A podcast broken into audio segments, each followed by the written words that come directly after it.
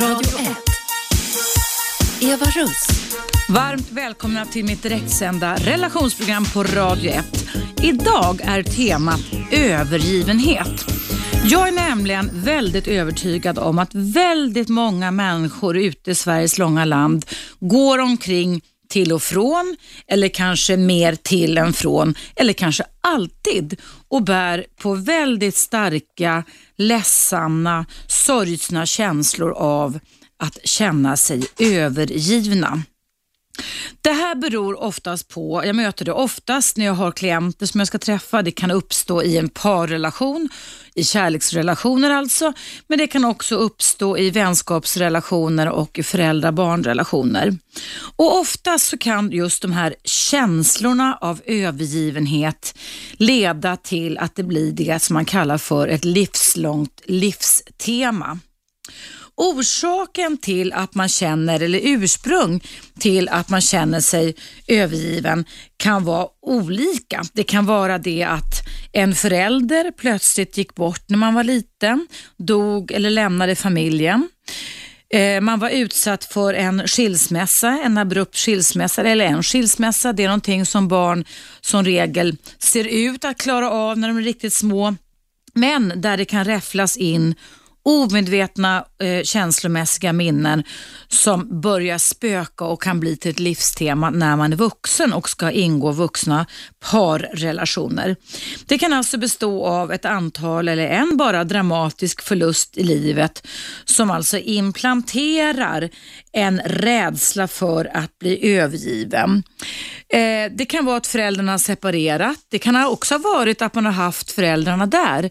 Men att man av olika anledningar har, anledningar har förlorat uppmärksamheten gentemot den ena eller båda föräldrarna på ett så påtagligt sätt så att man känner sig och upplever sig övergiven. Föräldern kanske har gått in i en ny kärleksrelation och på det sättet under en period övergett barnet för att prioritera sin egen kärlek. Föräldern kan ha gift om sig och så vidare. och så vidare. Det kan alltså leda till att man eh, går omkring och får ett livslångt livstema som påverkar kvaliteten, hur du relaterar till andra människor. Jag ska alldeles strax läsa upp ett mejl, men om du känner dig träffad som lyssnar på mig just nu i direktsändning så skulle jag bli väldigt glad om du hade lust att ringa in till mig i studion och numret är som vanligt 0200 11 12 13 och berätta hur just livstemat övergivenhet har styrt och påverkat ditt liv som vuxen. Jag har ett mejl här eh, där jag har fått in flera mejl där, där, där ni som mejlar till mig tangerar just det här temat övergivenhet. Hej Eva, det här är en tjej som mejlar mig.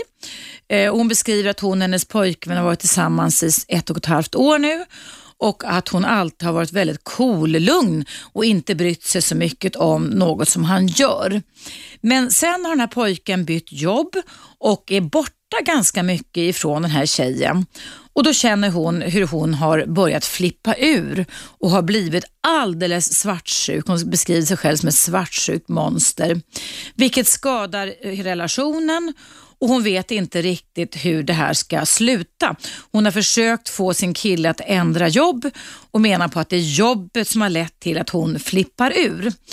Eh, och Det innebär då att hon, den här unga flickan, eller vet det står inte hur gammal hon är, jo, 23 år är hon, att hon alltså har svårt att kunna bete sig normalt. Men innan pojkvännen fick ett jobb där han var borta många kvällar i rad så var inte det här något problem.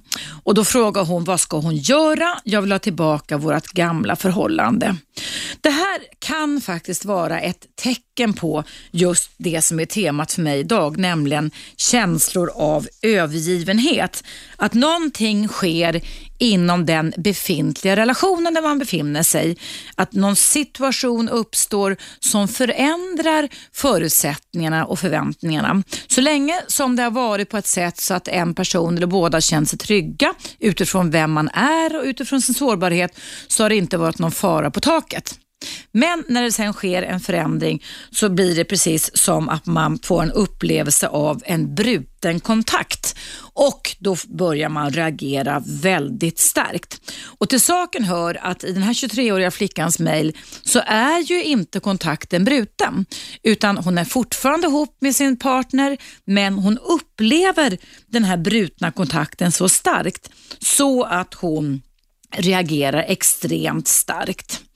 Eh, det finns ett antal olika klassiska och typiska beteenden som jag som psykoterapeut har mött genom åren hos människor som upplever en övergivenhetskänsla inom sig. Eh, olika beteenden som kan dyka upp kan till exempel vara att man då väljer en partner som är just otillgänglig. Det är ju inte den här 23-åriga flickan som har mejlat mig kille utan han har blivit lite det efter ett tag på grund av arbetsbyte. Men det kan alltså innebära att man är ihop med personer som är otillgängliga så att man eh, eh, blir känslomässigt beroende, står ut och mår otroligt dåligt just av den anledningen. Man kan också, som flickan här som mejlade mig, eh, överreagera på separationer, vilket innebär att man går igång väldigt starkt. Man kan också, just med de beteenden man får, skrämma bort sin partner, så det hela kan bli en slags, kan man säga, självuppfyllande profetia. Men sen finns det också människor som jag har mött som bestämmer sig för att de ska vara starka och ensamma. Att just därför, av den anledningen att de har upplevt den här väldigt starka känslan av att vara övergiven, så väljer man helt enkelt att man aldrig vill slå sig till ro med en partner. Och om du känner igen dig i detta, ring in numret till 0200 11 12 13 för jag kommer prata om känslor av övergivenhet men givetvis också i mitt direktsända relationsprogram prata om vad man kan göra åt det. Och Det finns ju också ett antal varningssignaler som du som känner igen dig i livstemat övergivenhet kan ge akt på, men som också kan aktivera livstemat av just övergivenhet. Och Det kan till exempel vara det då att du alltså blir kär i en partner, att du knyter an till en partner som är upptagen, kan vara gift, kan, kan vara sambo och därför inte kan lova dig någonting. Det kan det scenariot att du alltså med öppna ögon väljer en person som redan är upptagen kan aktivera just dina känslor av övergivenhet extra starkt. Det kan också vara så att du väljer en partner som inte har möjlighet att vara tillsammans med dig regelbundet, som kanske bor på annan ort eller är arbetsnarkoman och reser extremt mycket så att prioriteringen i relationen mellan dig och er blir väldigt ringa. Det kan bli, jag brukar säga det till mina klienter, så att man får hålla till godo med smulor. Och är man då sårbar, extra sårbar just för känslor av övergivenhet så brukar det här inte bli särskilt bra. Men det kan också vara så att du väljer en partner som är känslomässigt instabil. Som kanske dricker för mycket, tar droger, är deprimerad, är psykiskt instabil och som inte kan ge dig den här trygga hamnen eller famnen. Eller i alla fall inte kan vara varaktig till dig, hos dig just då. Det blir en ryckighet i era relationsmöten. Eller också så väljer du kanske en partner som inte vill binda sig, som alltså får dig att känna att du är övergiven nästan hela tiden, utan som har dig bara då och då. Eller också så väljer du en partner som är, precis som jag sa nu, väldigt ambivalent och osäker i sitt förhållningssätt till dig, som vill ha dig men håller tillbaka sina känslor, eller som visar dig kärlek i ena stunden för att i nästa stund nonchalera dig. Det gäller att slå upp ögonen för var man befinner sig och vad en relation kan kan skapa för olika former av övergivenhetskänslor. Det går att komma till rätta med det här och jag är övertygad om att det är många som kan känna igen sig där ute.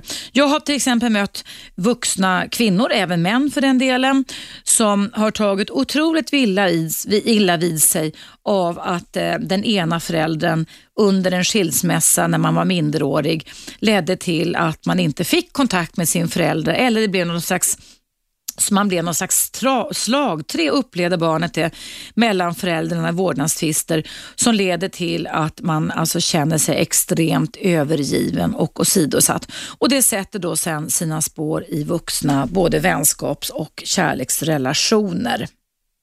Ja, vad väcker temat övergivenhet för tankar och känslor hos dig? Ring in numret 0200 11 12 13. Nu är det dags för en liten paus. Men efter pausen så kommer här så kommer jag berätta vidare vad man tror i min värld att de här känslorna av övergivenhet kommer ifrån. Sikten.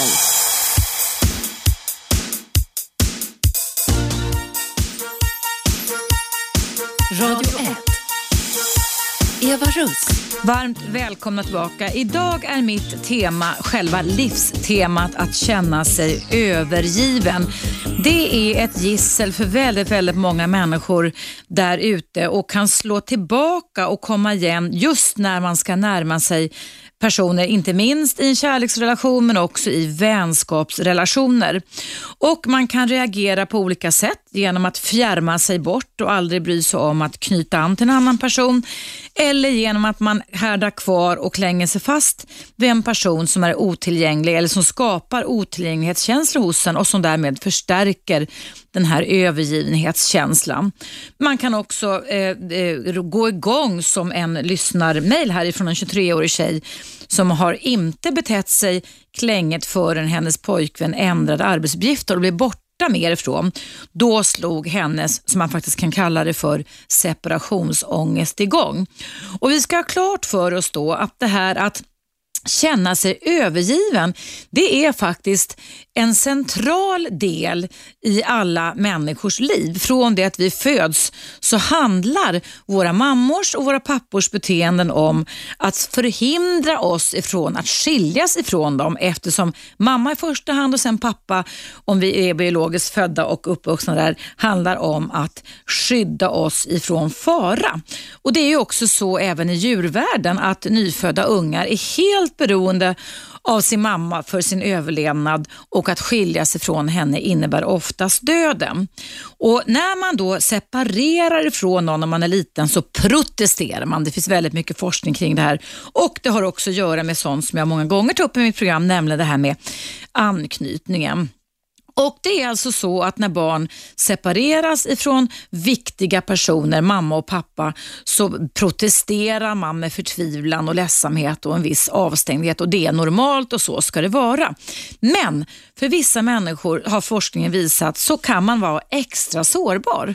Man kan alltså ha en medfödd benägenhet eller disposition för att reagera på separationer extra starkt.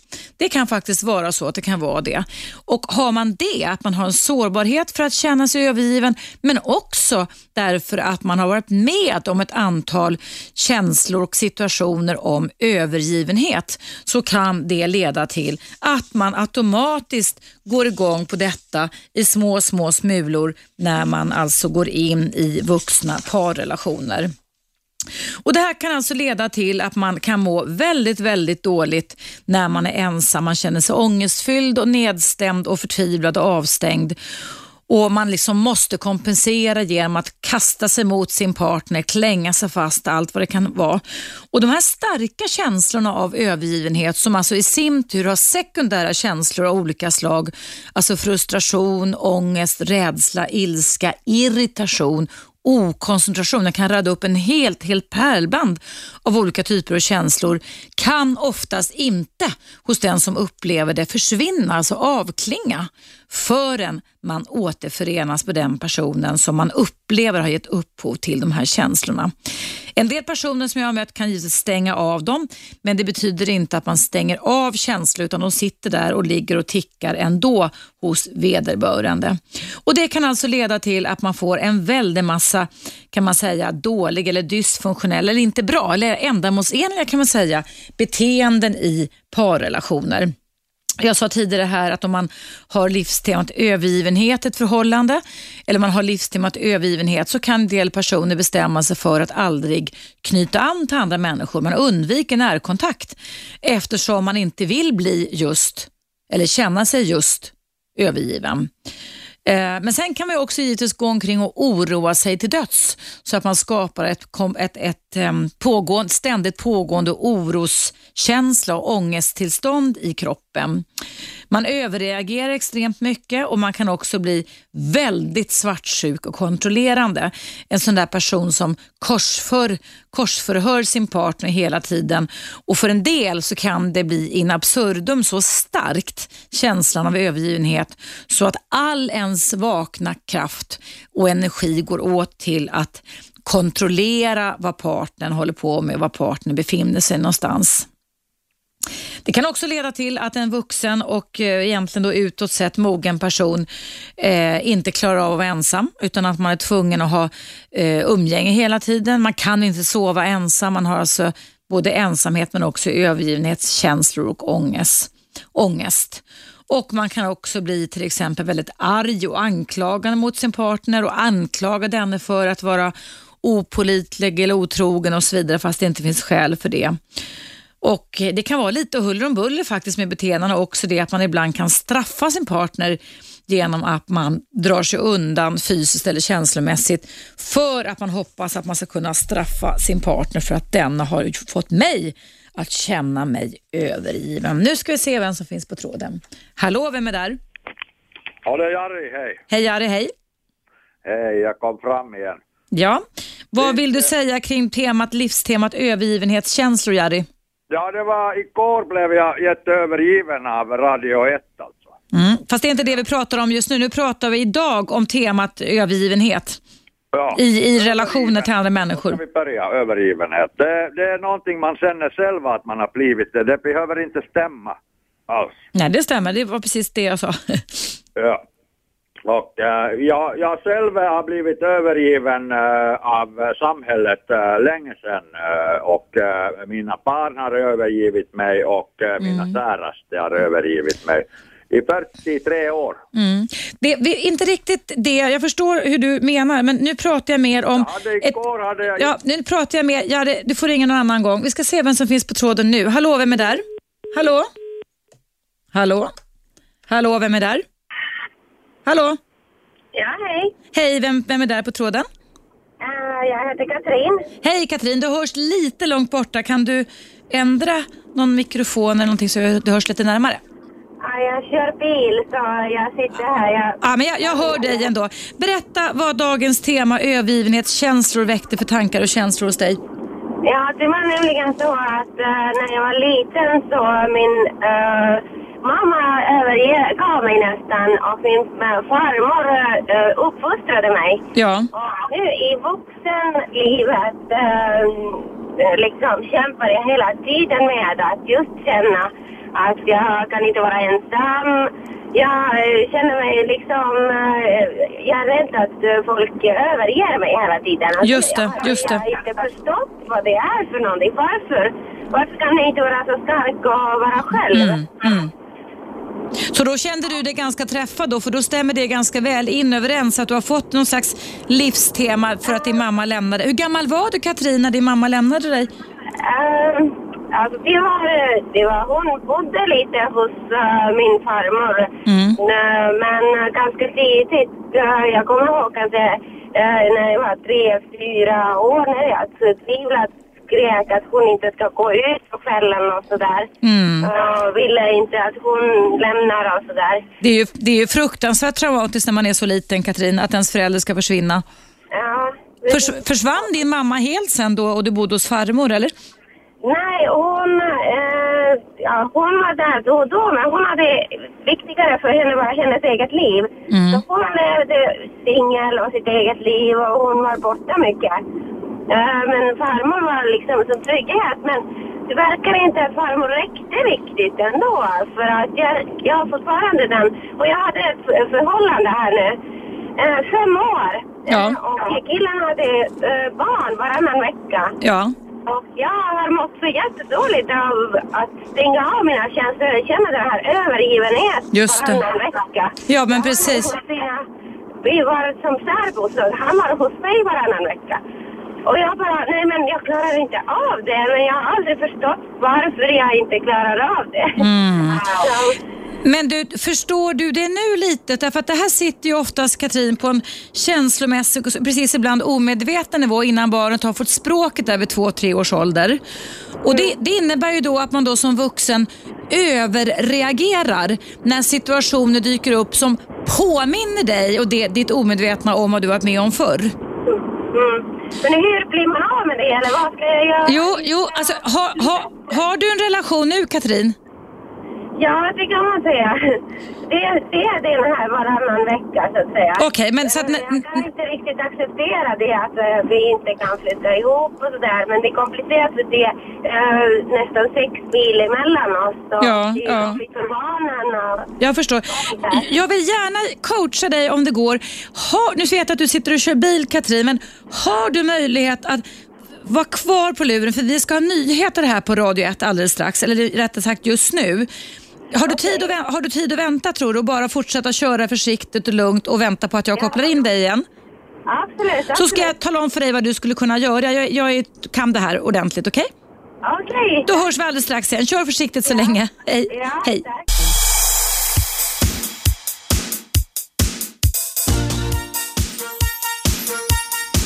Radio 1. Eva Russ. Välkomna tillbaka. Idag i mitt direktsända relationsprogram är temat att känna sig övergiven i vuxen ålder. Jag hoppas att jag har Katrin kvar på tråden. Hallå Katrin! Ja, hej. Jättefint. Går det bra? Sitter du fortfarande och kör bilen? Ja, precis. Vart är du på väg om jag får fråga? Eh, jag har ett byggföretag så att jag är på väg till en objekt. Okej, då förstår jag. Jag förstår, men jag hoppas att du kör, kör handsfree när du pratar med mig. Ja, det är därför det ekar. Jag förstår. Jag kan bara berätta för de som lyssnade här, eller inte lyssnade innan pausen att du ringde upp mig för du kände så väl igen dig på det här temat. För när du var tre, fyra år gammal så prioriterade din mamma sig själv mer än sitt barn kan man väl säga va?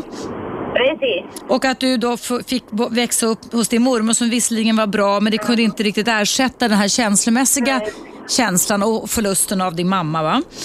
Och eh, du sa att du som vuxen hela tiden har kämpat med att du har svårigheter att vara ensam, speciellt nu när du är i en relation där din partner Ja, är, är med sina barn emellanåt och du får vara själv. ja, precis. Jag känner mig övergiven varannan vecka liksom. Jag förstår. Hur, hur, hur, hur ser dina reaktioner ut då Katrin när du känner dig övergiven varannan vecka? Jag är bara ledsen. Mm. Jag är bara, måndag, tisdag, jag kan inte fungera riktigt.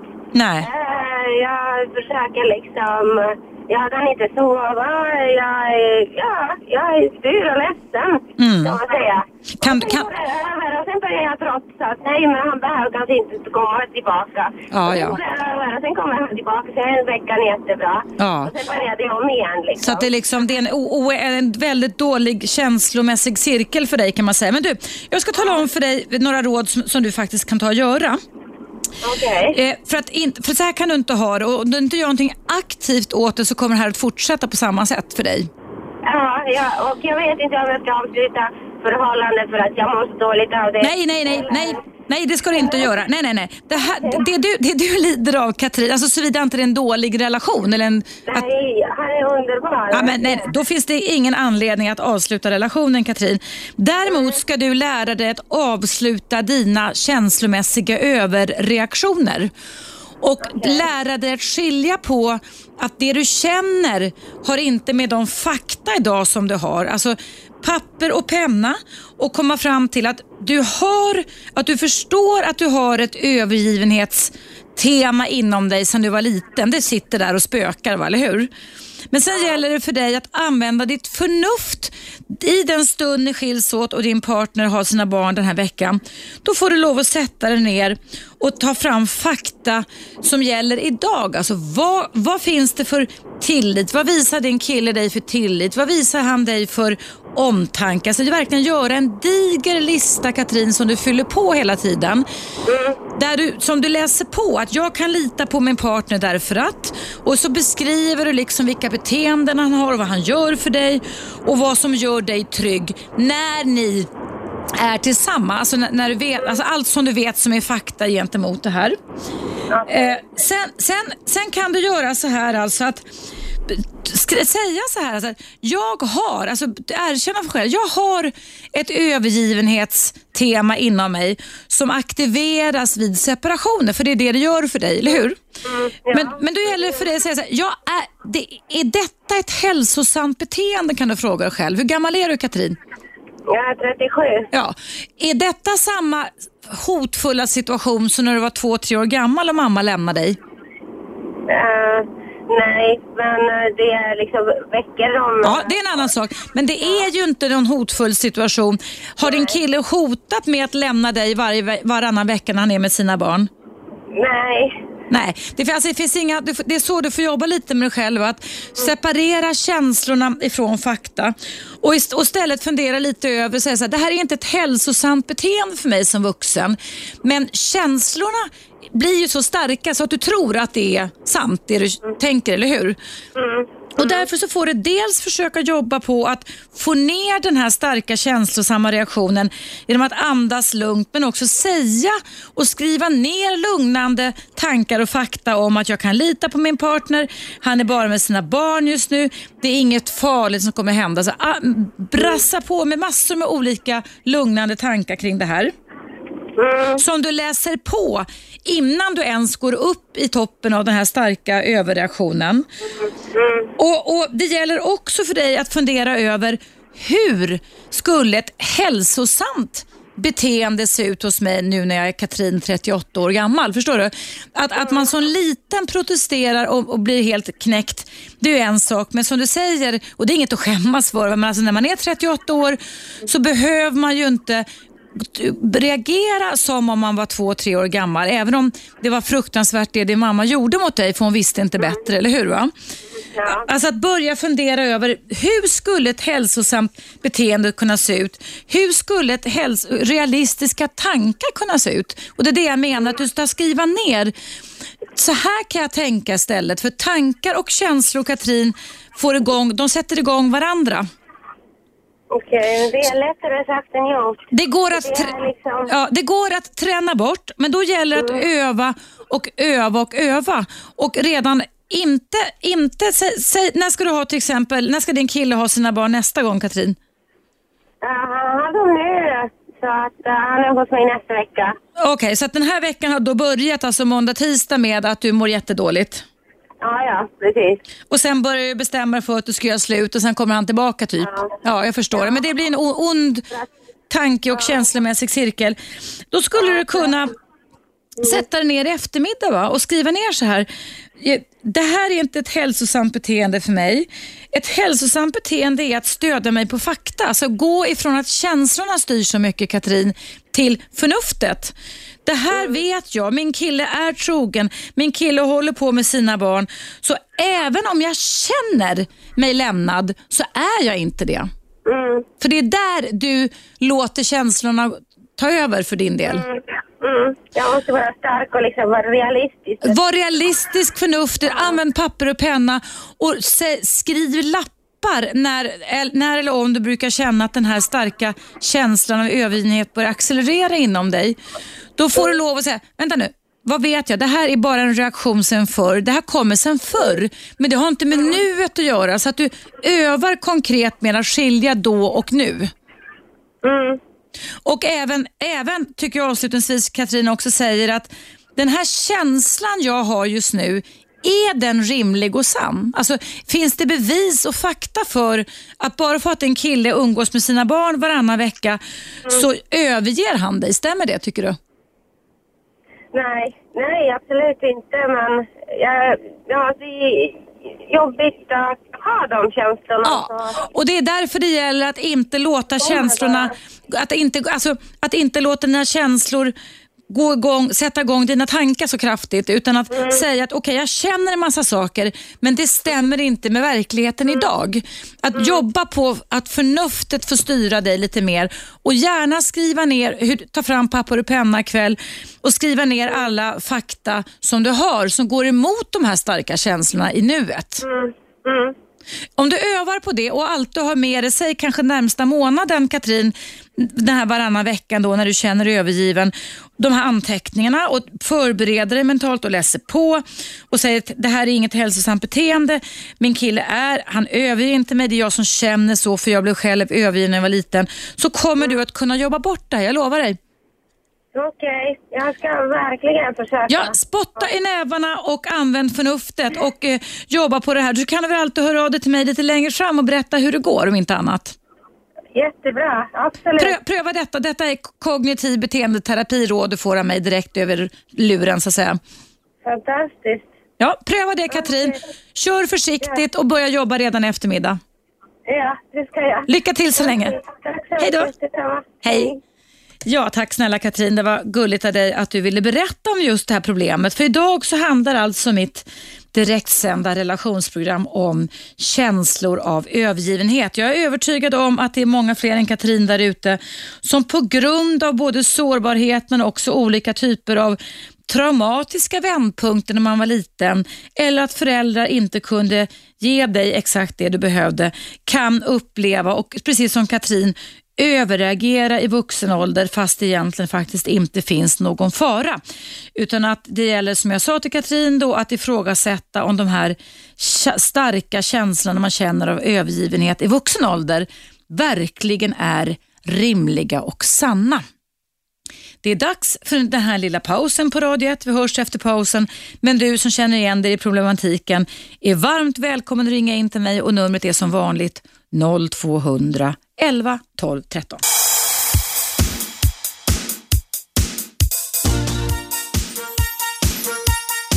Radio 1. Eva Russ. Varmt välkommen tillbaka. Idag i mitt direktsända relationsprogram är temat just livstemat övergivenhet. Att i vuxen ålder, man som kvinna, har inte ett dugg med förnuft eller, eller utbildningsnivå att göra utan det har med känslomässiga, ofta ganska omedvetna nivåer inom oss som kan triggas igång i situationer i vårt relationsliv där vi någonstans i en millisekund förflyttas tillbaka till just den här starka smärtan och ångesten och separationsoron och ångesten vi hade när vi var mindre.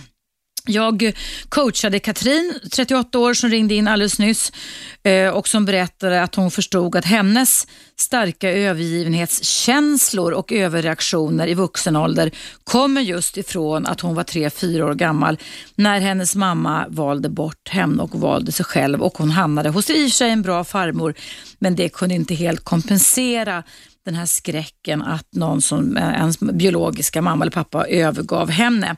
Och Det leder då till att Katrin triggas igång varannan vecka när hennes eh, partner har sin barnvecka. Så be, be, börjar hon bli ledsen, kan inte fungera, kan inte sova och får alltså starka känslomässiga överreaktioner. Och mitt råd till Katrin det var det att försöka förstå sambanden mellan varför hon gör så här, att man kan förstå uppkomsten till det här.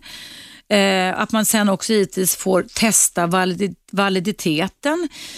Idag är det verkligen fog att känna sig övergiven. Överger min partner verkligen mig? Att försöka testa de bevis som har förelegat och som har gjort att jag reagerar på det här sättet eller rättare sagt omtolka bevisen, testa på ett annat sätt. Ehm, att försöka fundera över hur ett hälsosamt vuxet beteende ska kunna se ut, en hälsosam syn se ut. Att hitta tekniker för att kunna lugna ner sig själv och sist men inte minst att inte att ifrågasätta om de jättestarka känslor man har i den stunden just av övergivenhet verkligen är så rimliga och sanna. Nu ska jag läsa upp ett mejl från Åsa som kom alldeles nyss in här i studion. Det står så här. Hej Eva, när jag var 11 år, parentes var pappas flicka, skilde sig mina föräldrar. Min pappa lovade mig att han skulle finnas för mig, men det slutade med att han valde spriten och hittade även en ny kvinna och mer eller mindre försvann ur mitt liv. Från högstadiet och fram till för ett par år sedan, idag är jag 36, så har jag varit extremt svartsjuk, sjukligt svartsjuk och det har jag förstått berott på min pappa. I alla fall på den här separationen, säger jag då. Och sen fortsätter Åsa så här. Min första kärlek svek mig och därför har min tilltro till män varit helt utesluten. Men det var först när jag var 30 som jag fick hjälp och förstod att det hade med min pappa att göra. Jag hade i många år djävulen i mig och det var ständiga bråk och svartsjuka i mina förhållanden. Jag mådde fruktansvärt dåligt. Jag fick också ångest och skämdes inför den partnern jag var tillsammans med. Jag ville aldrig anklaga, döma och säga att han, han minsann lurar mig med mera. Eh, jag fick även panikångest när jag var 16 år, vilket också var på grund av mina föräldrars skilsmässa. Min pappas svek framför allt.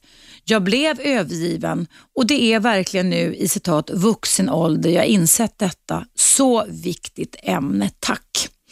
Ja, där, tack Åsa för att du mejlade in till mig. Där får vi höra att det här kan verkligen hänga ihop. Och Man kan alltså, precis som Åsa beskriver så här, bli djävulen själv i förhållanden där man, som hon beskriver, är svartsjuk och man anklagar andra. Eller också så kan man göra motsatsen, att man väljer partner som beter sig som skidstövlar mot en eller som i alla fall är väldigt ambivalenta mot en. Och Det kan då leda till att man håller till godo.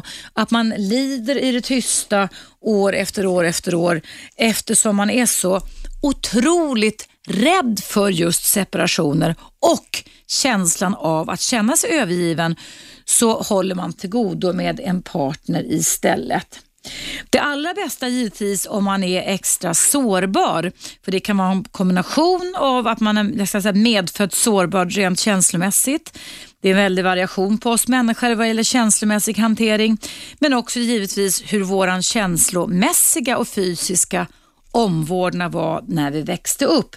Hur många förluster vi var med om, dödsfall, separationer kan alltså trigga igång oss på då en omedveten känslomässig nivå. Och Det bästa man kan göra för att förändra ett sånt här schema är givetvis då i urvalet av en presumtiv kommande kärlekspartner att man är ganska kräsen och väljer en person som utstrålar trygghet. Att man inte väljer någon som är upptagen, att man inte väljer någon som inte prioriterar dig och att man inte väljer någon som är osäker på, det har man ju rätt att vara första tiden givetvis när man går in i en ny relation, men när man väl har bestämt sig för varandra så ska inte relationen präglas av otrygghet. För det kommer bara då att engagera dig och få sätta igång alla de här starka känslomässiga överreaktionerna. Och när du väl har hittat en partner och om du gör det som verkligen är en trygg hamn, en trygg famn som är stabil och engagerad så är det viktigt för dig att du bestämmer dig för att du litar på den här personen. Ehm, att du alltså inte låter svartsjukan, att du inte låter dina starka känslor bli sanna och rimliga. Och precis som jag sa till Katrin så kan man alltså göra en lista till och med också över de olika fallgropar man känner igen som vuxen som kan trigga igång just den här känslan av övergivenhet och ensamhet och så vidare. Jag tror jag har berättat här i något program hur jag själv för ett antal år sedan fick en stark känsla av övergivenhet när jag kom hem. Jag fick fel dygnsrytm efter en semesterresa jag har normalt sett haft både ungar och hund hemma i min stora lägenhet. Och när jag kom hem och skulle försöka somna på morgonen, alltså min tidsförskjutning, det hade skett en tidsförskjutning i min kropp så jag var extra sårbar kan man säga så insåg jag att hunden var inte där och sista ungen skulle flytta ut. Då fick jag en extrem, och det är faktiskt första gången i mitt liv i vuxen ålder, känsla av övergivenhet som faktiskt gjorde att jag debuterade vad det gäller att få en panikångestreaktion. Så att jag fick eh, faktiskt ge mig iväg till eh, psykakuten och få en tablett som gick, fick mig att gå ner i varv. Det var många år sedan, det har inte hänt igen, men jag har full förståelse, jag har verkligen empati och sympati för er som får sådana här starka överreaktioner. För vad det gällde mig då så var ju jag inte ensam eller övergiven. Utan det handlade om att mina barn växte upp och skulle flytta hemifrån och jag har jättemånga vänner och jättebra kontakt med mina tre barn och min hund kom sen tillbaka. Så att jag var verkligen inte övergiven. Men just då, i den stunden när jag var fysiskt sårbar så blev jag också psykiskt sårbar och det ledde då till att jag eh, i relation till mig själv, alltså inte i relation till någon partner, fick igång det här livstemat och schemat stark övergivenhet. Ja, väcker det här några tankar och kanske barndomsminnen hos dig? Ring in, numret är som vanligt 0200 11 12 13 och jag ser att det är många som ringer här och jag ska se vem jag kan prata med just nu. Hallå, vem är där? Hallå, Aili. Vem är det? Aili. Hallå, vem är där? Hallå, vem är där? Hallå? Hallå! Hej, vad heter du? Hej Eva, jag heter Ann-Marie. Hej Ann-Marie, välkommen till mitt program. Tack, tack, tack, tack. Vad väcker dagens ämne övergivenhet för tankar och känslor hos dig Ann-Marie? Ja, ja, det var så konstigt för att jag, eh, och nu skäller min lille Bobbe. Det är ingen fara, det är ingen fara. Jag är inge, inte riktigt övergiven du. Nej, Eh, precis. Jag ligger här hemma och har lite fel på min rygg. Jag har opererat mig många gånger och sen förvärvsarbetar jag och sådär. Mm. Och just idag, när du säger om panikångestattack, idag börjar det krypa i armar och ben på mig. För att idag avgörs mitt öde på mitt jobb. Oj då, vad ska, vad ska de... Vad ska de arbetslös eller inte. Därför att jag har ju opererat ryggen så många gånger och eh, min arbetsgivare har inte hittat någon rehabiliteringstjänst till mig. mm. Och eh, den rehabiliteringstjänsten som jag har nu ska helt plötsligt försvinna för de har ingen, eh, jag ersatte en som gick i pension och eh, helt plötsligt så kom ledningen på att vi behöver inte den tjänsten så jag hann sitta på den stolen i två, två veckor så kom de på det här. Så jag har ju stridit för detta och nu ligger jag hemma eh, och ramlade i söndags och kan inte röra mig. Oj, oj, oj, Så stackars dig. idag känner jag mig övergiven. Det och så ringde jag till min särbo till hans jobb och hörde, så sa jag det. Jag förstår inte, så jag, när jag pratade med dig igår kväll så, så sa jag hur ensam jag kände mig. Jag har ingen hjälp här hemma just nu. Mm. Jag har lite svårt att röra mig och så vidare. Mm. Ja, du vet man är ju så trött när man kommer hem från jobbet. Och jag försökte så fint berätta liksom, ja men det tar ju inte så lång stund att åka hit här, ett par timmar och hålla mig i sällskap. Mm. Och jag förstår inte, alltså jag känner mig så övergiven så jag, jag tänker, och alltid är det jag Eva som hjälper alla andra människor. Mm. Folk ringer till mig, jag ska prata med folk, eh, jag ska uppmuntra folk och sen när jag ligger så här, fanken, varför kan inte folk ta en lur och ringa och Mm. säga, Mm. hej, behöver du någonting? Ska vi komma ut och hålla dig sällskap? Det kanske, bla, bla. det kanske beror på, Ann-Marie, att du har varit i ditt Ja. sä- sätt så, så att de har tagit dig för självklar. Ibland kan det Mm. faktiskt bli så. Du, ehm, eh, eh, men du är inte övergiven av din sambo. Eventuellt blir du övergiven av ditt arbete och det är ju förskräckligt. Eh, mm, förstår jag din oro kring att om du ska bli uppsagd eller inte. Finns det några alternativ för dig om det skulle vara så att det värsta Ja, tänkbara som de har att vill ha- inträffa? Ja, Eva, de, de vill ha in mig på någonting som heter karriärsprogrammet. Mm.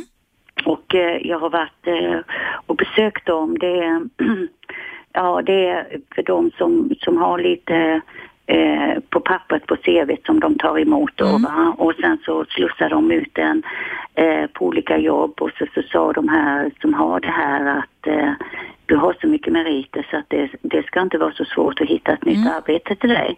Eh, och det känns väl gott för, i och för sig va. Men det är ändå väldigt gungfly eh, och stå där. Och sen då när man har det problemet som jag har eh, med ständig värk och så Ja, det är vidare, förskräckligt. Och då känner man så här att behöver de verkligen mig? Mm. Men då, Eh, du får inte tänka, vet du, vi måste avrunda nu för det är dags för Ja, nyheter här på Radio 1. Men du, Ja. Använd dig av förnuftet. Använd det. Tänk inte jättelångt framåt just nu. Tänk Nej. på det som finns runt omkring dig, att din arbetsgivare ska hjälpa dig vidare och tänk absolut inte i ifall någon inte vill ha dig. För då, där kan man verkligen få ångest, Ann-Marie. Ja, det kan man nu. Det kan producera till och med panikångest. Utan ta, tänk lugnande tankar, börja fundera på, nu när det ligger lite för ankar om jag får säga så, att, att, alltså, hur kan jag ändra mina beteenden och säga mer vad jag behöver till mina anhöriga som de inte kan tankeläsa dig? Nej, precis. Man tror ju de har Ja, gått nej, det gör de inte. Nej, nej. Nej. Vi är vanemänniskor, vi, vi gör som vi alltid har gjort på något sätt. Så du, det är du Mm. som måste ändra ditt beteende för att de ska fatta att du, att du behöver dem på ett annat sätt. Ja. Börja med det så. så kan du väl berätta om hur det går så ska jag hålla alla tummar och alla tår jag kan för din framtid Ann-Marie.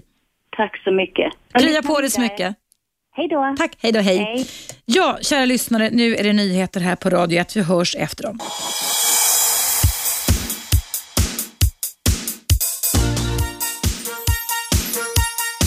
Radio 1. Eva Russ. Varmt välkomna tillbaka. Det är direktsändning. Jag heter Eva Russ och jag är expert på relationer.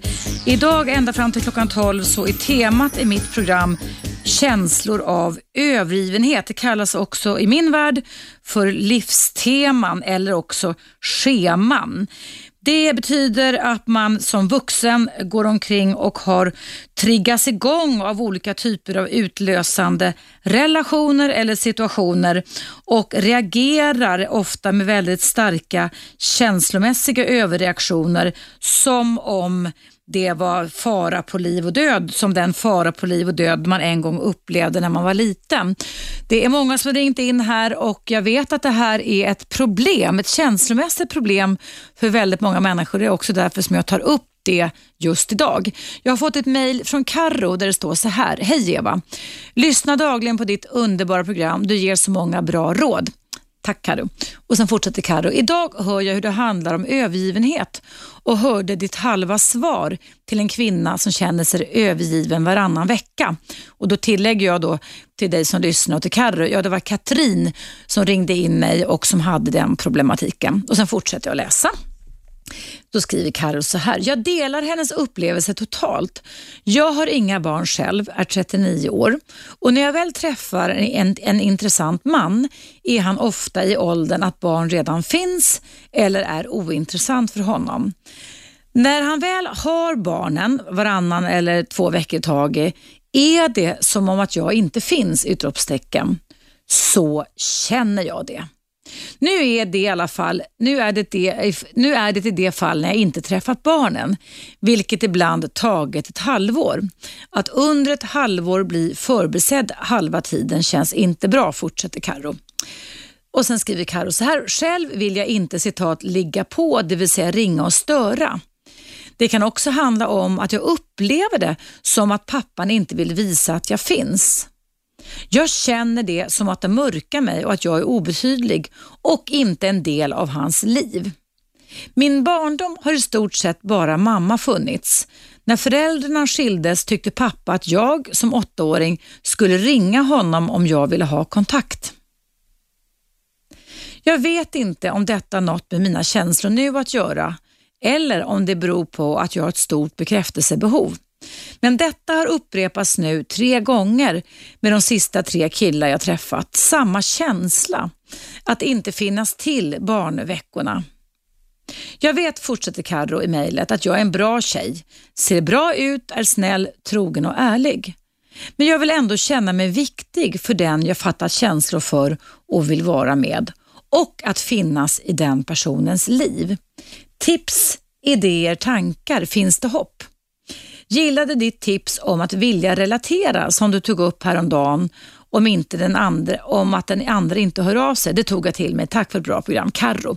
Tack snälla Karro. Jag är övertygad om att just din beskrivning som jag läste upp här i ett lyssnarmail till Radio 1 är det många som känner igen. Både man som kvinna är jag övertygad om. Och Jag ska coacha dig Karro eftersom du mejlade alldeles nyss in till mig här i studion på Radio 1.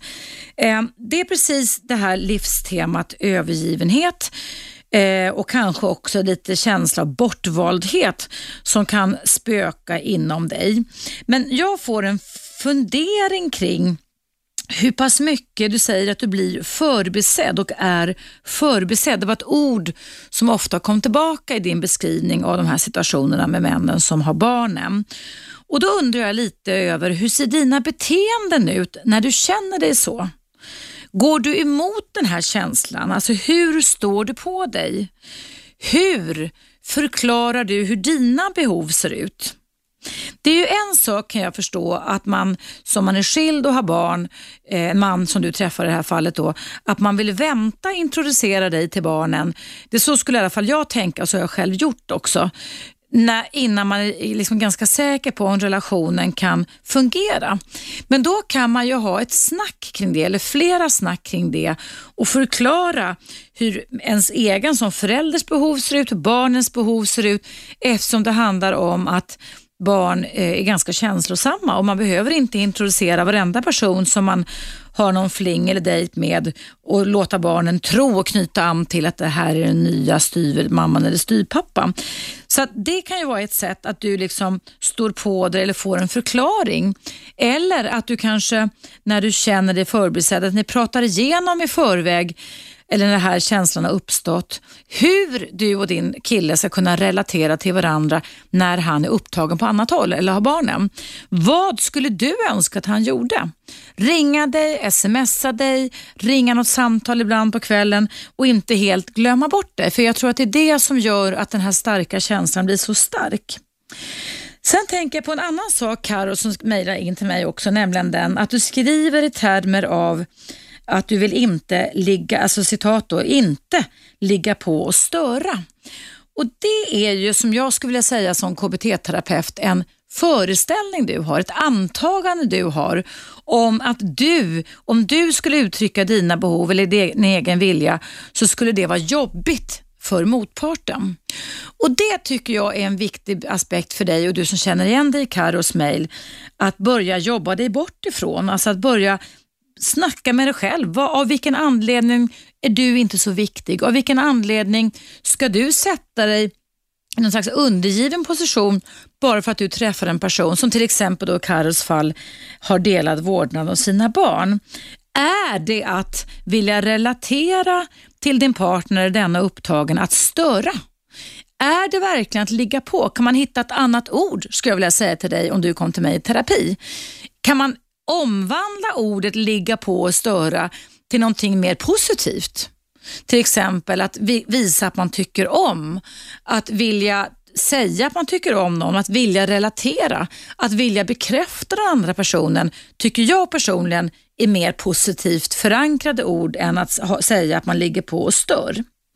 Men det största problemet tycker jag för dig Karo och du som känner igen dig i det här, det är att du håller på med någonting som man inom KBT kallar för ett tankefel. Och det är att du använder alldeles för mycket känslomässigt resonerande. Nästan varenda mening du skriver Carro är att du känner en massa saker. Och Det tar upp det här därför att det är precis så man gör när man har varit utsatt som barn för någonting som har satt känslomässiga spår.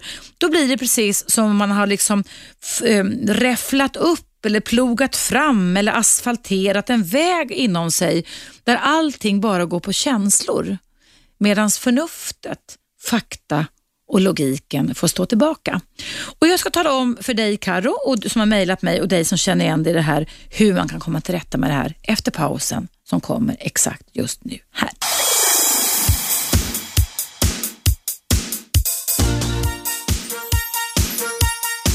Radio 1. Eva Russ. Ja, välkomna tillbaka. Välkomna ska jag säga. Jag visste inte om jag skulle säga välkommen eller välkomna. Välkomna tillbaka. Jag heter Eva Russ, jag är relationsexpert och jag håller just nu på att coacha Carri, Carro med flera. Carro har mejlat in till mig innan pausen och berättat om hur hennes livstema eller schema och känslor av övergivenhet leder till en väldig massa dysfunktionella föreställningar och antaganden och leder till beteenden där man kanske inte står på sig eftersom hon ägnar sig åt någonting som är väldigt vanligt när man jobbar med klienter inom KBT-terapin. Att komma fram till i samtal, ska jag säga, de terapeutiska samtalen, att man ägnar sig åt ett tankefel som kallas för känslomässigt resonerande. Och Det innebär alltså att man låter allting man upplever gå genom intränade, inpräntade känslomässiga spår sen förr. Och Det kan alltså medföra att man känner saker som, som vuxen inte stämmer. Alltså man ser på världen genom ett känslor hela tiden och tillskriver känslorna en sån hög status så man tror att de är rimliga och sanna. Och Då gäller det verkligen att, eh, för Carro och du som känner igen det, att byta spår. Att inte tillåta att känslorna blir så rimliga och sanna i alla situationer. Det är en sak om du i dagsläget är, går på stan och blir jagad av en pitbull eller någon annan liknande hund som man kanske ska se upp lite för. Inte alla pitbulls, men jag är själv lite rädd för alla pitbulls, även fast alla pitbulls inte är farliga. Då ska man i och för sig kanske inte springa, men det är en adekvat känsla att man kanske går upp lite i anspänning och en del kanske blir rädda. Eh, det är adekvat, det är, det är rimligt och sant. Men när det gäller sådana här saker som att när en partner inte hör av sig, när en partner inte har tid att höra av sig, att man då ska bryta ihop och vara övertygad om att, eh, att, att man inte är värdefull längre och inte duglig och inte viktig för andra personen. Det har enbart med känslomässiga hjärnspöken sedan förr att göra. Och Vad jag tycker då att du Karo ska göra det är att fokusera det som du slutar ditt mejl med på vilka bra egenskaper du har. Och du ska också fortsätta att vara snäll trogen och ärlig. Men eftersom du vill känna dig viktig för den du är tillsammans med så gäller det givetvis också att se över vilka beteenden du har. Finns det några beteenden som inte är så hälsosamma?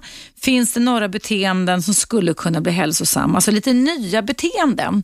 För det är ett faktum att när vi ändrar beteenden så ändrar sig också hjärnan. Då kan alltså tanke och känslomodellerna och förväntningarna och attityderna vi får förändras. Ta fram papper och penna, skriv ner en på en tankedagbok eller en livstemadagbok.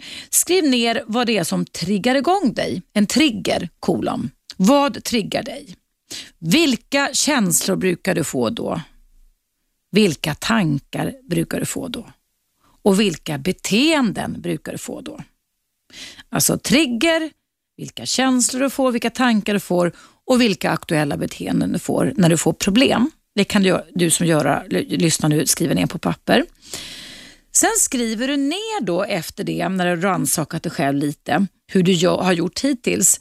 Då skriver du ner gammalt livstema, övergivenhet eller gammalt schema. Man kan kalla det både schema och livstema. Övergivenhet, det är liksom det och det har uppstått utifrån var. Du kan du alltså härleda det lite. Det har uppstått när jag var liten, när min pappa eller mamma lämnade mig och så vidare. Eller alltså olika typer av triggers när du var liten som fortfarande triggar igång dig som vuxen i situationer som påminner dig om hur det var när du en gång var liten. Eh, sen sätter du dig ner och det är verkligen här det gäller att byta spår ifrån det känslomässigt resonerande spåret som då är tankefel till det förnuftiga tankemässiga spåret. Och Då skriver du ner hälsosam syn, semikolon. Och där får du verkligen fundera över hur kan du som vuxen Karro och ni andra som känner igen er se på dig själv. Vad är en hälsosam syn? Vad kan man göra? Hur kan man tänka och bete sig om man bortser ifrån att det är gamla känslor som spökar i vuxen ålder? Det kan ta tid att fylla i den rutan hälsosam syn, men det är ack så viktigt att göra. Och Där kan du också fylla i realistiska tankar och beslut, alltså saker som du kan tala om för dig själv att när den här triggern kommer som triggar igång mig till att känna de här starka och även osanna och orimliga känslorna i vuxen ålder av övergivenhet. Vad kan jag göra ändå? Hur kan jag bete mig hälsosamt, förnuftigt? Hälsosamma beteenden, hälsosamma tankar. För tankarna påverkar känslorna och det är därför vi får starka känslor eftersom känslorna oftast går igång på millisekunder. Men då måste vi backa tillbaka, lära kroppen kroppen, vår biologi, vi är 100% biologi, ett nytt sätt att reagera på. Så att den inte går igång på de här asfalterade vägarna, autostraderna, motorvägarna inom oss. För då förstärker vi bara sånt som en gång var av ondo för oss. Eller rättare sagt, när vi reagerade när vi var små så var ju det en, egentligen då hälsosamt ja, hälsosamt för en del personer i alla fall, reaktion på separation eftersom separationsångest är centralt hos oss människor när vi är riktigt, riktigt små och är en signal om att vi måste bli omhändertagna. Men som vuxna så är det inte så hälsosamt när vi verkligen kan ta hand om oss själva också. Och då gäller det att kunna komma fram till faktabaserade beteenden och tankar och inte känslomässigt baserade beteenden och känslor. Eh, hitta den hälsosamma sidan, hitta de hälsosamma beteendena och sen rekommenderar jag verkligen som KBT-psykoterapeut att du konstruerar olika typer av så kallade små kort. Det kallas flashcards som, som du bär med dig. Det kan vara som en visitkortsstorlek, det kan vara som ett placeringskort. Du kan tillverka det själv av papper, kanske plasta in det. Där du skriver ner instruktioner på hur du kan tänka och vad du kan göra tänka och göra, inte känslor för då kanske du triggar igång någon gamla igen. När du i stunden börjar känslomässigt reagera som om du var flyttad tillbaka 10, 20, 30, 40 år tillbaka tiden igen. Ehm, och Då gäller det att alltså skriva ner eh, den här känslan, som ett exempel. Då, de här känslorna jag känner just nu är varken rimliga eller sanna. Jag överreagerar. Vad kan jag tänka på som lugnar ner mig? Skulle till exempel kunna vara sånt då. En annan kan vara det att eh, eh jag reagerar ohälsosamt och tror att jag är övergiven fakta som talar emot det är detta. Och Då får man kanske sätta sig ner där man befinner sig just då stunden och låta hjärnan få jobba lite åt dig. Ehm, du måste jobba själv för att du ska kunna vinna över den här starka känslomässiga reaktionen. Ta en parkbänk, luta dig mot träd, kliva av cykeln, eh, kliva av tunnelbanan, sätt dig lite, alltså gör någonting, gå in på toaletten på jobbet, vad det nu kan vara, för att liksom hitta lite lugn och ro. För om du inte gör det så kommer den här reaktionen att, att eskalera och det, då blir det en förstärkning av det som du inte vill uppleva. Så det gäller att öva öva, öva. Och också komma ihåg att Rom byggdes inte på en dag. Det har tagit en viss tid för dig att öva på att förstärka traumatiska känslomässiga minnen som du var liten. Det tar inte lika lång tid igen, det gör det inte. Men därför så måste man öva i varenda enskild specifik situation när de här starka och orimliga och osanna känslorna dyker upp. Att öva sig på att byta till ett förnuft och logiskt tankespår. Öva, öva, öva. Gå aldrig hemifrån utan att ha dina kort med dig i fickan där du skriver ner instruktioner kring det, till dig själv, fakta till dig själv, kanske en avslappningsövning till dig själv, för den kommer man inte ihåg när man är känslomässigt påverkad. Alltså 1, 2, 3, 4, 5, så här ska jag göra för att gå ner i varv.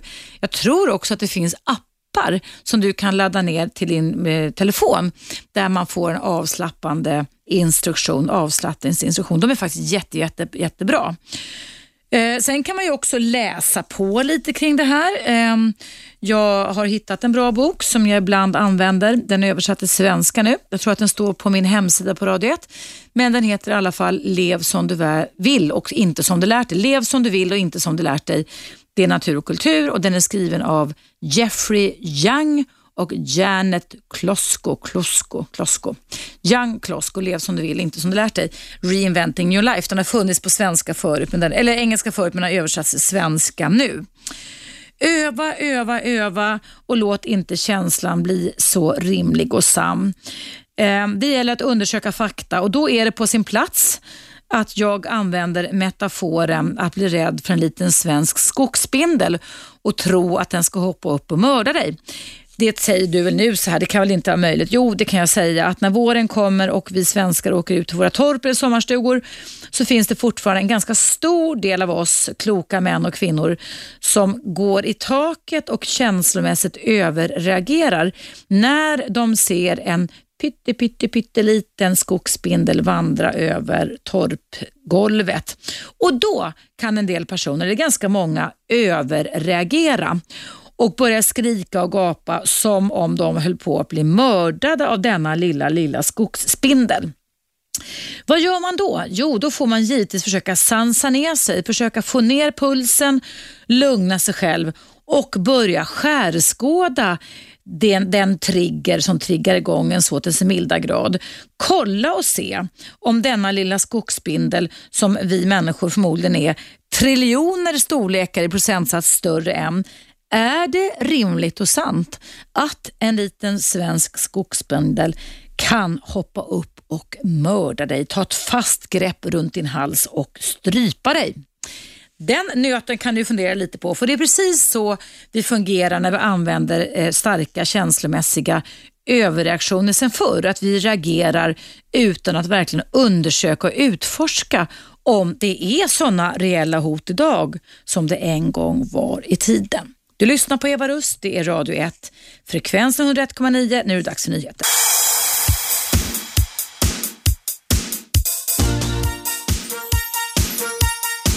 Radio 1. Eva Russ. Välkomna tillbaka.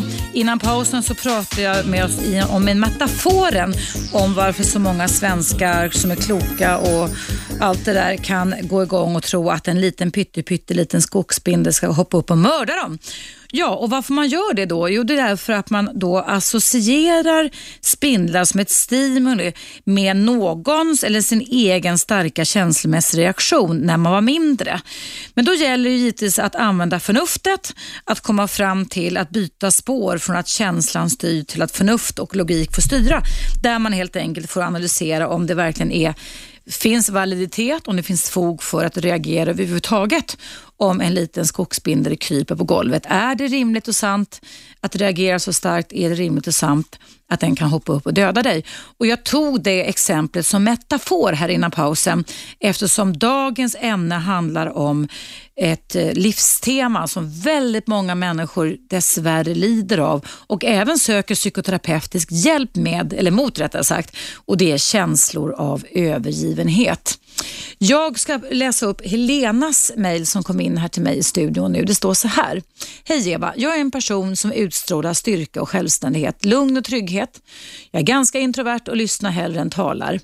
När jag talar lyssnar alla, men detta gäller egentligen bara nya sociala konstellationer i den så kallade tillhörighetsfasen. Jag har fått lära mig att omgivningen blir osäkra på introverta personer för att de således inte riktigt vet var de har honom eller henne. Eh, ja, så skriver hon lite mer, kan inte läsa upp riktigt hur det hela är, men, men så kommer vi fram till det som är lite problemet. Då är det så här att eh, hon känner att hon inte alltid tas på allvar. Att vänner orkar inte höra. Eh, och, eh, att, och, att, hon har alltså en sämre självkänsla. Hon drar sig undan de sällskap där hon känner sig avslöjad, mer känd som denna blyga okunniga person. Eh, och så skriver hon så här, min numera före detta arbetsgivare samt chefen lyssnade inte heller när jag blev överhopad av arbetsuppgifter och höll på att gå under in i väggen. Jag var en högproduktiv resurs på jobbet ända fram tills att jag inte orkade längre.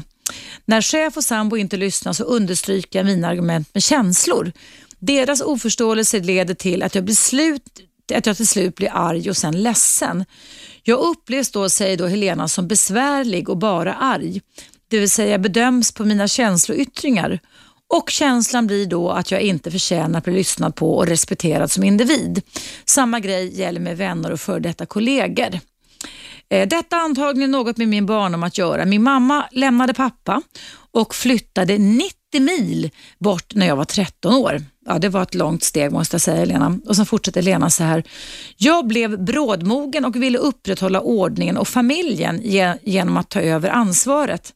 Jag städade varje torsdag för att bli omtyckt av pappa. Jag sydde gardiner både till hem och till kompisar. Jag städade min äldre brors bil grundligt för att bli skjutsad och senare också för att få låna den. Jag var väldigt omtyckt av mina kompisars föräldrar eftersom jag var så förståndig. Jag ringde ibland till mamma och var ledsen och klagade över orättvisor hemma, varpå hon blev arg på pappa. Pappa blev då förstås irriterad på mig och satte till slut en kod på telefonen för så kallade rikssamtal. Nej men vad taskigt säger jag då. Detta istället för att prata med mig och lyssna på mig. Idag känner jag att min närvaro som person är oviktig. Ja, det var dumt av din pappa att göra så tycker jag. Men så fortsätter Lena så här. Min föreställning är att så länge jag alltså inte förtjänar platsen min föreställning är, är att så länge jag alls inte förtjänar platsen genom arbete, tjänster etc. Kan du ge mig tips på hur jag tar mig ur denna fälla? Hur tonar jag ner mina känslor för att istället bedöma situationer efter logik och fakta? Hur ser jag till att inte ta åt mig? Hur får jag upp min självkänsla och tro på mig själv? Detta är helt avgörande för mig, fortsätter Helena, för att jag ska kunna marknadsföra mig själv inför ett nytt jobb. Eh, parentes, utmattningen ledde till uppsägning på grund av arbetsbrist, slut på parentes. Samt hur får jag min sambo att förstå att jag inte bara är arg utan faktiskt behöver hans stöd. Han är min sociala samvaro just nu men upplever mig själv bara som jobbig. Har du tips på hur jag kan vända mig för att få hjälp att reda ut mig själv? Många tack för bra program med bra ämnen och för dina råd. Ja, tack snälla Helena. Jag är ledsen om jag fick kapa lite i det här långa mejlet här. Um, det är ju kanske inte direkt kanske problem med övergivenhet, men det är ju väldigt, väldigt grymt att få uppleva det som barn, att ens förälder flyttar 90 mil bort ifrån barnet när man är en väldigt, väldigt känslig ålder. och Du var bara 13 år gammal. Och Då är, låter det som att du kompenserade, alltså använde kompensatoriska strategier med att bli perfekt, ta, att vara alla till lags och göra alla nöjda, lyckliga och glada. Men någonstans glömde bort dig själv. Och Jag tror att det är det som gör dig så fruktansvärt frustrerad eftersom du då, när du möts i situationer eh, av en arbetsgivare eller din sambo eh, som upplever dig jobbig så har du inte redskap och verktyg för att kunna stå till dig och då blir det istället väldigt starka känslomässiga reaktioner kanske också ganska barnsliga och så kan det faktiskt vara. Det är absolut ingenting att skämmas för Helena. Ja, vad jag tycker du ska göra, jag tycker att du ska kunna läsa den här boken. Lev som du vill, inte som du lärt dig. Natur och kultur, den är jättebra som en början. Eh, man kan ha den som grund och sen tycker jag nog att du skulle kunna ha nytta av att gå kanske fem till tio gånger i kognitiv psykoterapi. Det ska vara en person som är legitimerad och det ska vara en person som kan visa att man är, lyder under Socialstyrelsen, alltså helst då en psykolog eller en psykoterapeut. Eller varför inte både och för den delen. Eh, det där kan man komma till rätta med ganska lätt. Jag har gett råd tidigare i programmet till Lena som har mejlat mig och eh, Det innebär att om du vill lyssna på hela programmet i sin helhet så kan du och andra som Helena som har mejlat in eller lyssnat på mig och kommit in kanske i mitten av programmet, lyssna på mig varje vardag för då går mitt direktsända relationsprogram i repris mellan 19 och 21. Men om du laddar ner gratisappen som finns för Radio 1 så kan du lyssna på mig när helst du vill eller också via eh, Radio 1 Play. Eh, men som sagt var, spåren från barndomen sätter alltid sina spår på olika känslomässiga och logiskt förnuftmässiga baser och leder oss till och för oss in på att vi försöker kompensera det vi känner eller tänker genom att bete oss på ett visst sätt. Och då kan jag tänka mig kanske då att så länge som du tänker någonstans, Helena som har mejlat mig, att, ehm, att att eh, du kanske inte är så duglig eller värdefull, så blir ju också dina beteenden därefter. Du blir vad du tänker är ju liksom ett epitet som har funnits i 40-50 år någonting. Du blir vad du tänker. Så det gäller ju då att eh, ändra både tankarna om dig själv och ändra dina beteenden. Um, och Jag förstår då att när du blir så där otroligt känslosam och känslan blir så stark så kanske du nästan också Helena, vilket inte alls är ovanligt, att du regrederar och blir så där jobbig i andras ögon så att de liksom bara släcker ner, släcker ner all typ av kommunikation och då når du inte fram. Så att ett sätt skulle det kanske kunna vara att du förbereder dig lite på dina argument innan du blir frustrerad så att du har dem på papper så du kan hålla dig till det du önskar. Men givetvis också jobba på din självkänsla och självbild och inte vara, vilket jag uppfattar att du kanske i alla fall i det här mejlet, var så sårbar att eh, hur andra människor reagerar på dig utan helt enkelt öva dig på att rida ut stormen hur svårt det än är och hur svårt det ändå känns att inte ge upp. Alltså att inte kapitulera. För då när man kapitulerar och man har den här problematiken som du har Helena, då går man tillbaka och då förstärker man det som man vill bli av med. Man förstärker det man vill bli av med. Så därför så tycker jag då att läs gärna den här boken, Lev som du vill, inte som du lärt dig. Ehm, um, söka upp en bra psykolog eller psykoterapeut som har legitimation och som är KBT-inriktad så behövs det inte jättemånga gånger utan KBT det är både förnuft, logik och träning i beteenden. Tankar, känslor och beteenden. Det du har tränat lite på kan du träna mycket på och vice versa. Så att det är ett väldigt roligt sätt att jobba på. Jag har jobbat med det nu i 11 år som legitimerad KBT-psykoterapeut och det är så fantastiskt härligt när man märker att folk blir så nöjda av att de gör framsteg. Det är en underbar känsla, inte bara för dem utan även för mig som ger dem den här hjälpen. Ja, jag hoppas du är nöjd Helena, annars så får jag be dig att återkomma. Du vet ju mejladressen och jag kan säga till er alla andra där ute att mejladressen in till mig på Radio 1 är Eva, radio 1 gmail.com och Jag heter Eva Russ och jag jobbar på Sveriges nya och bästa pratradio, Radio 1. Nu är det dags för en liten paus.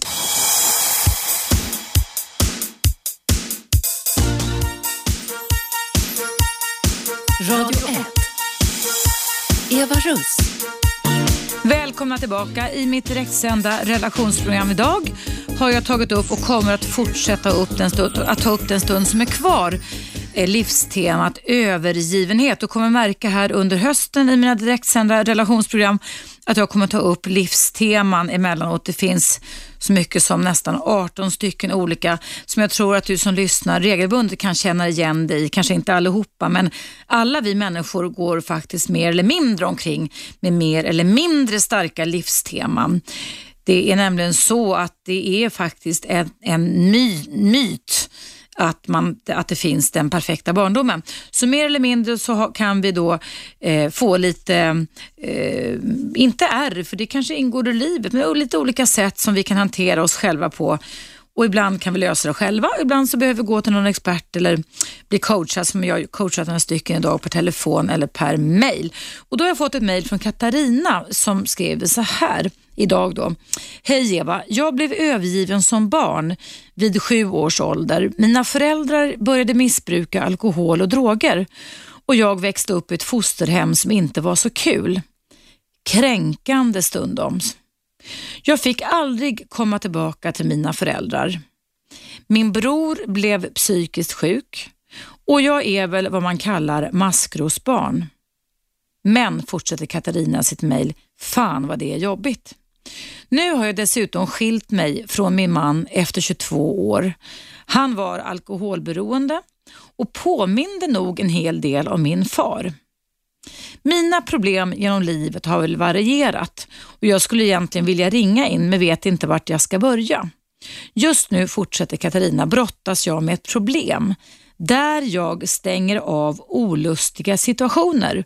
Till exempel där jag inte levererar på jobbet och får någon slags tunnelseende där jag lider oerhört när jag inte kan prestera eller leverera det jag vet att jag kan vid ett normaltillstånd. Och Sen fortsätter Katarina då med frågan här, hur gör jag för att ja, komma till rätta med det här? Ja, eh, det vore bra eh, Katarina eh, om du kanske vill vara med mig per telefon. Inte idag, det hinner vi inte idag. Eh, vi kan mejla dig och fråga dig med för att det skulle vara väldigt kul att kunna få coacha dig. Så eh, vi eller jag och min producent Ina Jönsson kanske hör av oss till dig sen Eh, för det här tycker jag var ett bra, en bra beskrivning av hur en mycket, mycket starka förluster som du har gått igenom och din bror blev psykiskt sjuk kan jag förstå när båda föräldrarna försvinner kan sätta sina spår. Och just nu så befinner du dig, som du har skilt dig, det verkar som att det var nyligen, så är man ju då också lite extra sårbar skulle jag vilja säga. Och Det kan ju då innebära att just då att när du förväntar dig att någon ska bli arg på dig eller uttrycka missnöje över dig så släcker du ner och eh, drar dig undan. Det blir liksom din kompensatoriska strategi för att du föreställer dig att smärtan ska bli så stark så då stänger du av. Det är förmodligen så Katarina som har mejlat mig som du har gjort och var tvungen att göra när du var barn. För kan du tänka dig det du som lyssnar just nu? Vilken fruktansvärd känslomässig förlust och fysisk förlust också. Att vid sju års ålder bli eh, av med sina båda föräldrar och aldrig träffa dem igen. Och sen då hamna på ett fosterhem där man också kränks. Det har vi hört alldeles för många historier av genom åren, inte minst när jag hade Morgan Alling som gäst här, här om våren. Nej, det är alldeles förskräckligt och då blir det så att man tränar sig på att släcka ner, att stänga av, att undvika saker och situationer som kan påminna en om hur smärtfyllt och jobbigt det var förr. Jag skulle tro, Katarina, att det här är en tillfällig svacka du har hamnat i eftersom alltså just din sårbarhet är extra hög just nu. Det är en separation du går igenom och det ser klart för oss att även om du skiljer dig eller man skiljer sig från en person som inte är bra för en, som man har levt med en längre period, så kan man ändå uppleva väldigt, väldigt starka separations ångest och oroskänslor. Man kan bli deprimerad när man skiljer sig fast personen man levde med inte var bra för mig. För det här viktiga och centrala i våra människors tillblivelse och överlevnad och fortlevnad är faktiskt att relatera till andra personer, att vara, stå i förbindelse till andra människor, även om det är dåliga människor eller dåliga beteenden som vi får överleva. Så jag skulle tro att det här är någon form av smärta hos dig där du går och förväntar dig att någonting hemskt ska hända när du just nu inte är på topp rent psykiskt eller fysiskt. Eh, vad man då kan göra, i alla fall som en början för dig Katarina och du som har lyssnat, det är ju då som nummer ett om jag ska sammanfatta dagens ämne, vad man kan göra när man har ett livstema kring övergivenhet. Det är ju givetvis då att alltså försöka förstå, vilket jag tycker att många av er som har ringt in och mejlat idag gör, att man förstår hur den, de här känslorna av övergivenhet kan ha grundlagts under barndomen. Där man alltså kan förstå att jag känner så här därför att. Eh, men sen gäller det då i nutid, eftersom då har gått ett antal år sedan de här hemska och kanske traumatiska situationerna inträffade när man var barn, att i nutid som vuxen vara uppmärksam på när de här känslorna av övergivenhet kommer, att bli medveten om vad som väcker de här känslorna nu. Och som jag också har sagt tidigare då, att verkligen eh, försöka tänka igenom hur det har varit och i tidigare relationer och situationer och bli klar över dina återkommande mönster där du alltså känner dig triggad. Triggers är ju alltså saker, situationer, personer som kan få igång dig att känna dig som om du var liten igen och som om du var övergiven igen och så vidare.